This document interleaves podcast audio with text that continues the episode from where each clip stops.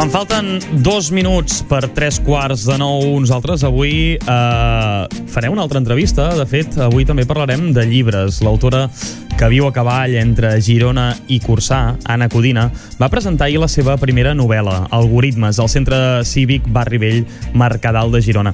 Aquest és un llibre que explora els clars obscurs de les xarxes socials, la tecnologia i la influència que tenen sobre la societat i per avançar-nos alguns detalls més sobre el llibre ens visita ella mateixa, Anna Codina.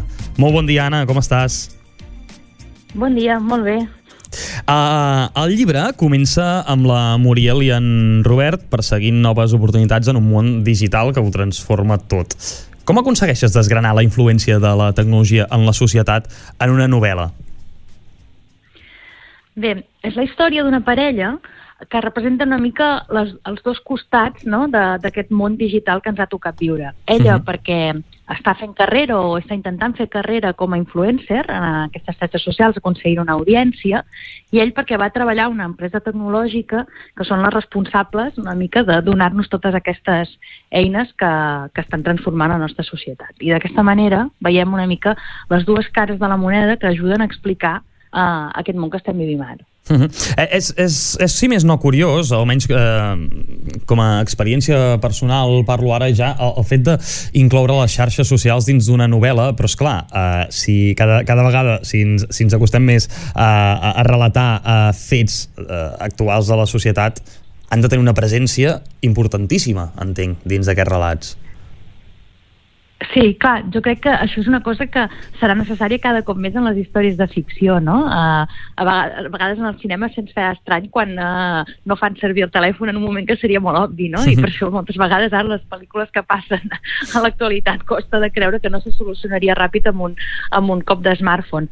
Però una mica el que he intentat a la novel·la és um, a través d'utilitzar diferents textures de, de, en el contingut, no? Um, intentar mostrar com és aquesta realitat nostra tan connectada. Hi ha, hi ha articles de blog, hi ha, hi, ha, hi ha tuits, hi ha converses de WhatsApp, hi ha fils de cadenes d'e-mails. Uh, I llavors això intenta una mica transmetre com tota aquesta connexió que tenim avui en dia doncs té, té, té moltes facetes i, i molts canals. Uh -huh. S'inspira en experiències viscudes, el llibre? Sí, en, en part. Jo, jo em dedico a l'estratègia digital, llavors conec bastant bé, bueno, i he anat seguint de tots aquests darrers uh -huh. anys de molt a prop l'evolució de, de les xarxes socials i, i he conegut també influencers i he vist com, com, com és el seu dia a dia, i, però bueno, en general la idea de fons de la novel·la és una mica aquest contrast entre la, la, les veritats, bueno, perdó, les mentides que ens expliquem, no? tant a nosaltres uh -huh. mateixos com a través de les xarxes, i com una mica aquesta tendència a intentar mostrar la cara més amable uh, de cares a fora i de cares a dins, és una, natura, és una naturalesa humana no? de tota la vida. Simplement que ara, a través de les xarxes, doncs, ho hem convertit quasi en una professió. Aquestes mentides eh, que comentes, que jo hi estic totalment d'acord, de fet també em dedico a, a, al món de, de les xarxes socials, penses que, que, que es, es maximitzen eh, a, a les xarxes socials precisament, és a dir, eh, nosaltres podem arribar a viure una doble vida, una vida feliç a les xarxes socials i una, i una vida totalment diferent eh, en el món offline?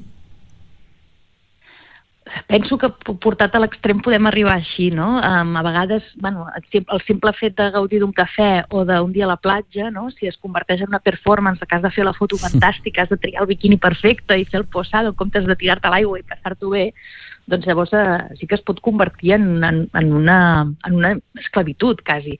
El que passa que, i també aquí exploro aquest tema a la novel·la, hi ha una mica la història de la família de la, de la Muriel, no? la, la seva mare, en, en un món, eh, se suposa que passa als anys 90, no? la, la seva infància, no hi ha xarxes socials, però la mare ja tendeix a envellir tot el que li passa, a explicar la versió me, més bonica, de, no? Intentar uh -huh. com negar les coses negatives.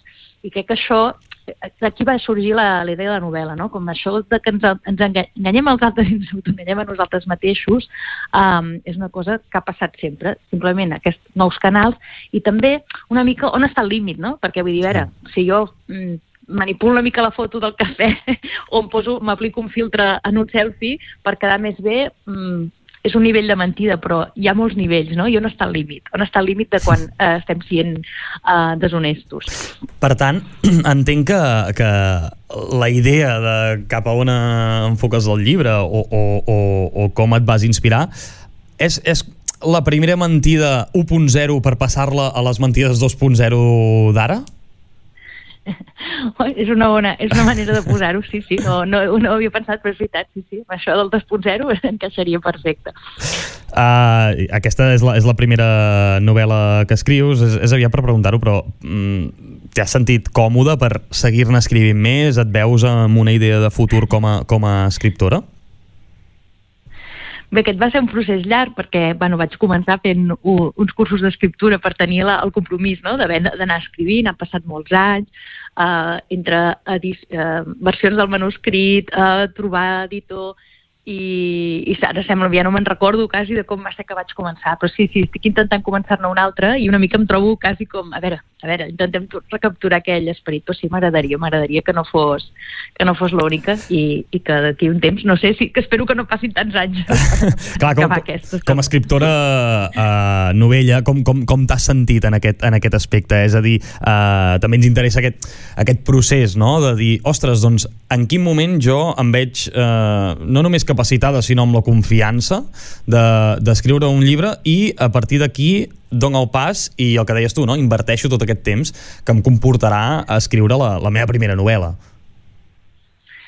Sí, a veure, a mi sempre m'havia agradat escriure, però és una cosa que passa molt a la, als aficionats a escriure, que moltes vegades diem, ens agrada, m'agrada escriure, però no ho fas mai, no? Ja. És, una, és una afició molt estranya que té aquestes coses, no?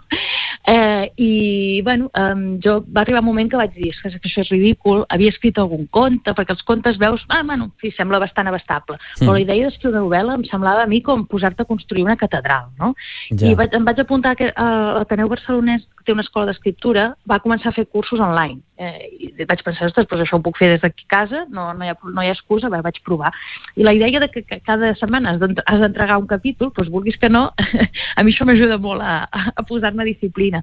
I, I no t'adones, ja mira, ja tinc uns quants capítols, i, i vaig seguir tots, el, tots els cursos, eh, després moltes escritures, molts caps de setmana i moltes hores de migdiada, de mainades, i molts matins me llevo aquella hora abans de que se llevi tothom, i, i fins aquí. Um, jo crec que bueno, ha sigut una mica també una manera de trobar una afició, alguna cosa que podia fer per mi uh, quan tenia criatures petites i tot. Ha estat una manera de, també una estona per, per -huh. mi i anys més tard doncs aquí, aquí estem. Molt, molt bé, de fet uh, um, hem parlat molt, hem tocat molt el tema tecnologia, però sense fer spoilers, no et demanarem tampoc cap que ens avanci res, però a part de... És de... difícil, eh? Sí, sí, ho sé, ho sé. Ho estic, estic intentant trampejar d'alguna manera, però és complicat. A part d'aquesta temàtica, quin, quins altres temes explores uh, en el llibre Algoritmes? bueno, és, en, en el fons és una, és una història de, sobre relacions humanes, no? sobre connexió, sobre desconnexió, Um, també hi ha tot aquest punt de, de sentir-se a casa, no? Eh, aquesta parella catalana que marxen a Londres, no? I, i a vegades aquesta idea, i això és una, no sé, la meva època estava molt de moda anar a Londres, uh, a veure si allà tot serà fantàstic, no? I al final els problemes que tens aquí te'n vagis a un altre lloc, te, uh, els arrossegues i fins i tot en trobes, en trobes de nous, no? Um, també retrata una mica una època de, a Barcelona, jo, jo vaig viure uns anys a aquesta època, mateixa època que, uh -huh. en què ells es coneixen, Um, també Londres és una ciutat que m'agrada molt i que té, ha, ha seguit tot un procés de, bueno, com a ciutat s'ha transformat i quasi s'ha convertit una mica en com un escenari, també té un punt aquest d'aquesta falsedat, no? d'això que tots els, els barris xulos, guais de les ciutats comencen a semblar-se entre ells i, i uh -huh. deixen de ser autèntics, no? per ser com una caricatura.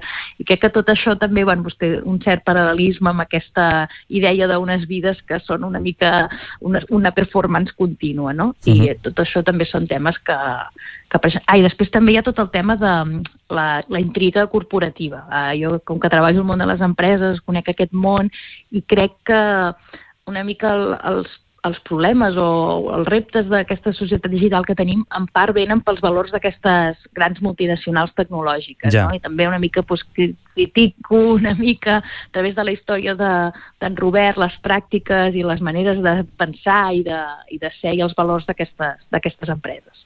Al final aquestes empreses també ens marquen una mica eh, la manera com vivim o, o com ens relacionem actualment, oi?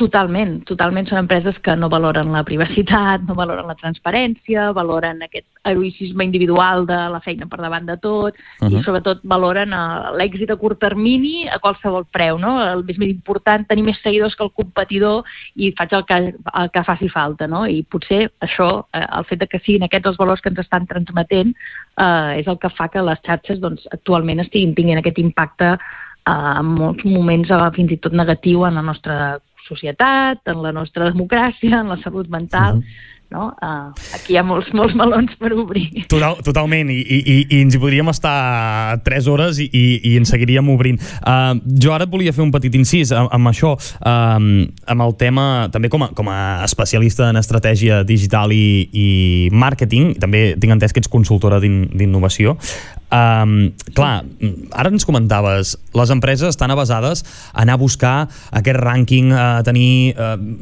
més seguidors que la competència, eh, no, no tant en, en la qualitat sinó en la quantitat, en aquest sentit, a les xarxes socials, és a dir, al final el que el, el, el, potser el CAP no analitza gaire eh, què és el que s'està publicant, però sí que analitza quanta gent està veient allò que s'està publicant. Això és extrapolable també al jovent, ara, per exemple, amb, amb, amb, amb les noves xarxes socials, com, com el TikTok, per exemple, amb, amb eh, adolescents en edat de, de creixement, que el que busquen és, és eh, aquells seguidors, eh, busquen, busquen sempre tenir aquella rellevància. Jo penso que és extrapolable, però tu veus perillós això, en aquest sentit? Sí, mira, l'exemple que poses, hi ha empreses que a vegades els, els, els hem de fer veure que no es tracta de és que jo tinc més seguidors que el meu competidor, mm -hmm. perquè a vegades el teu competidor potser els ha comprat o ha fet alguna cosa que no té res a veure amb el seu mm, un públic objectiu i ha, fet, ha sortejat moltes coses i ha guanyat molts seguidors només perquè regalava coses um, per, per mi l'estratègia de les xarxes sempre ha de tenir sentit des del punt de vista de l'estratègia total del teu negoci. Mm, ja. Estar fent coses només per tenir followers no, no, no, no té cap sentit, no? I, i, i si un directiu ja, ja l'enganxa això de vull més seguidors, vull més seguidors, que ha de passar amb, amb, amb els joves. Jo el que crec uh -huh. és que, i també per acabar una mica amb un punt de vista una mica positiu i optimista, crec que estem com en, arribant a una nova fase d'autoconsciència, de que aquí hi ha unes problemàtiques, crec que acabarem trobant una manera una mica més humana, més ètica, més conscient i, i més sana i sostenible de, de, com a persones o, i també com a empreses d'utilitzar aquesta, aquestes xarxes. Jo, jo, jo confio que, que serà així, que ara estem en aquesta fase d'ostres, mm, potser no acaba de, de rotllar del tot bé. Uh -huh. Doncs ens quedem amb aquest apunt positiu, Anna, perquè uh, potser, potser per jo... començar el dia bé. Uh, exacte, jo en aquest sentit potser no, no, era, no era tan, tan positiu, però, però, però sí que és cert que, que al final aquesta part humana, si la trobes, uh, el, el que comentàvem abans, no? si, si ho trobes en el món uh, real o en el món offline, també l'hauries d'acabar trobant en el món online, perquè si no, uh, la dinàmica a la que podríem anar no és, no és, no és sana, no? Esperem que sigui així. Esperem que sí. Doncs, Anna Codina, que vagi superbé aquesta estrena de, de la novel·la Algoritmes, que vas presentar ahir al Centre Cívic Barrivell Mercadal de Girona. Moltíssima sort i, i t'anirem seguint també amb ganes de, de, de noves novel·les. No podem posar tampoc feina abans d'hora, però t'anirem seguint. Moltes gràcies. Adéu-siau, que vagi molt bé. Adéu.